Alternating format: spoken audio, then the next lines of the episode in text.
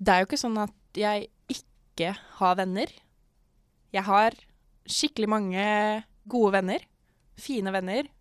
Som, som jeg er skikkelig Som er, jeg er skikkelig glad i. Og som jeg tror er også skikkelig glad i meg. Likevel så kan, så kan jeg av og til sitte og føle på den ensomheten. Og det er gjerne da når jeg sitter alene. Ja, en, en, en kveld eller en helg der det på en måte ikke Kanskje ikke skjer noe. Eller kanskje det skjer noe, bare at jeg ikke er med. Og da sitter jeg og føler på den derre Hvorfor Hvorfor er ikke jeg med noen nå? Hvorfor har ikke noen egentlig kontaktet meg og spurt om jeg har lyst til å henge?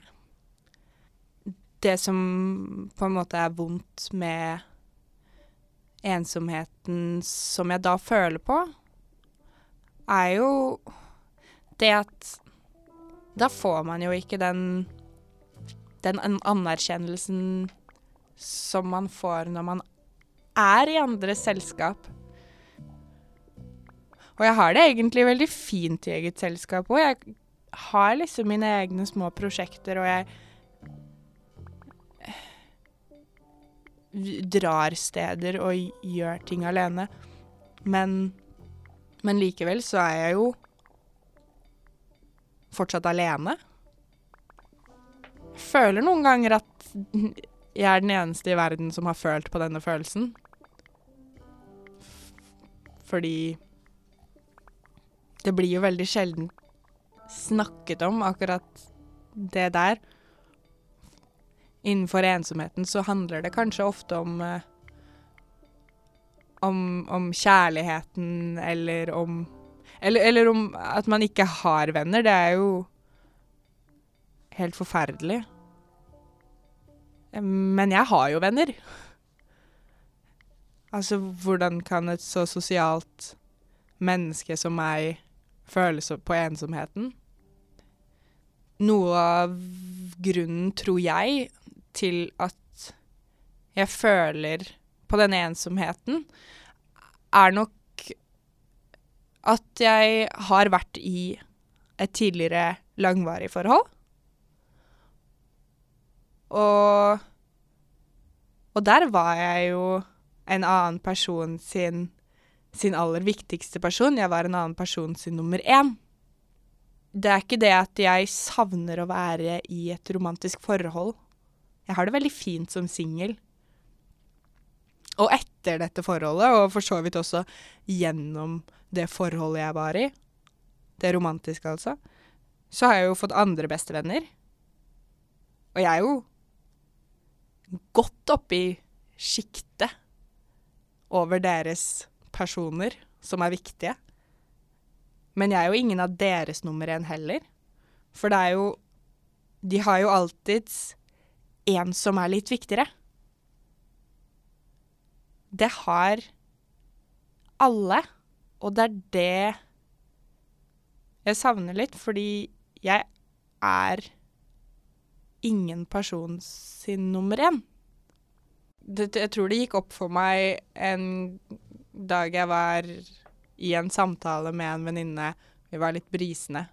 Så kom denne 'jeg savner å være' en annen person sin nummer én.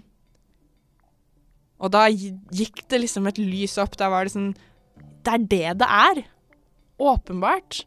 Det har vært der hele tiden, men, men Men det har ikke vært så tydelig. Og det var en lettelse. Det var en sånn Å ja!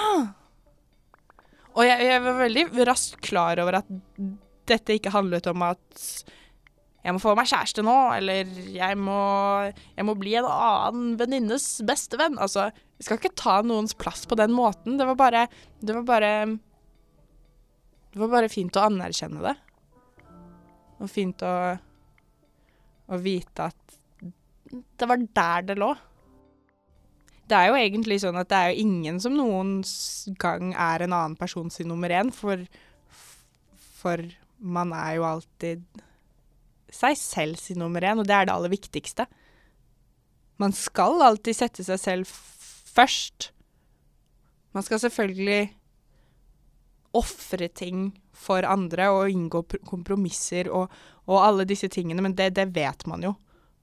Men, men, det er viktig å, å, anerkjenne seg selv som den absolutt aller viktigste. I bunn og grunn så er det egentlig en ganske fin ting å Å være klar over. Den, den anerkjennelsen av, uh, av min egen ensomhet, den kan jo være skikkelig bra når jeg da sitter der alene, og det kanskje ikke er noen som har skrevet til meg på tolv timer og spurt om jeg vil gjøre noe. Da kan jeg klare å stoppe den følelsen, fordi at jeg vet at om kanskje tolv timer igjen, så sitter jeg der blant kanskje fire bestevenner og har the time of my life. Og så sitter jeg jo der blant disse fantastiske menneskene. Og da, har, jeg, da er jo den, den, ensomhetsfølelsen, den har jo totalt forsvunnet. Den har sluppet tak. Den, den har virkelig sånn Man er jo et ti kilo lettere menneske. Fordi det er ingenting som er negativt lenger. Og da kan jeg virkelig føle på en sånn ekte lykkelighetsfølelse.